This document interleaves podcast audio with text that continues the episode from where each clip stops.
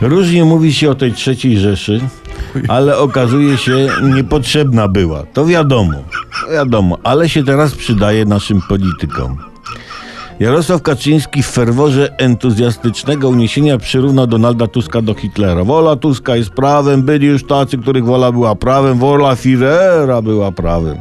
Może prezesowi się coś pokręciło i myślał o sobie sprzed pół roku, nie wiemy. Barbarze Nowak, byłej kurator z Krakowa, wolontariusze Wielkiej Orkiestry kojarzą się z Hitlerjugend. No przykładem można by mnożyć. E, Pawłowicz, Terlecki, ktoś nazwał to argumentum ad Hitlerum, bardzo ładnie. Można odnieść wrażenie, że oni są w partyzantce i walczą z trzecią Rzeszą. A przecież można się inaczej wyzywać, jednocześnie robiąc ukłon w stronę młodzieży szkolnej. A jakby tak używać takich przezwisk inspirowanych e, przedmiotami szkolnymi, na przykład matematyka. Jest pan jak logarytm z 17%, w sensie niemożliwie głupi, nie?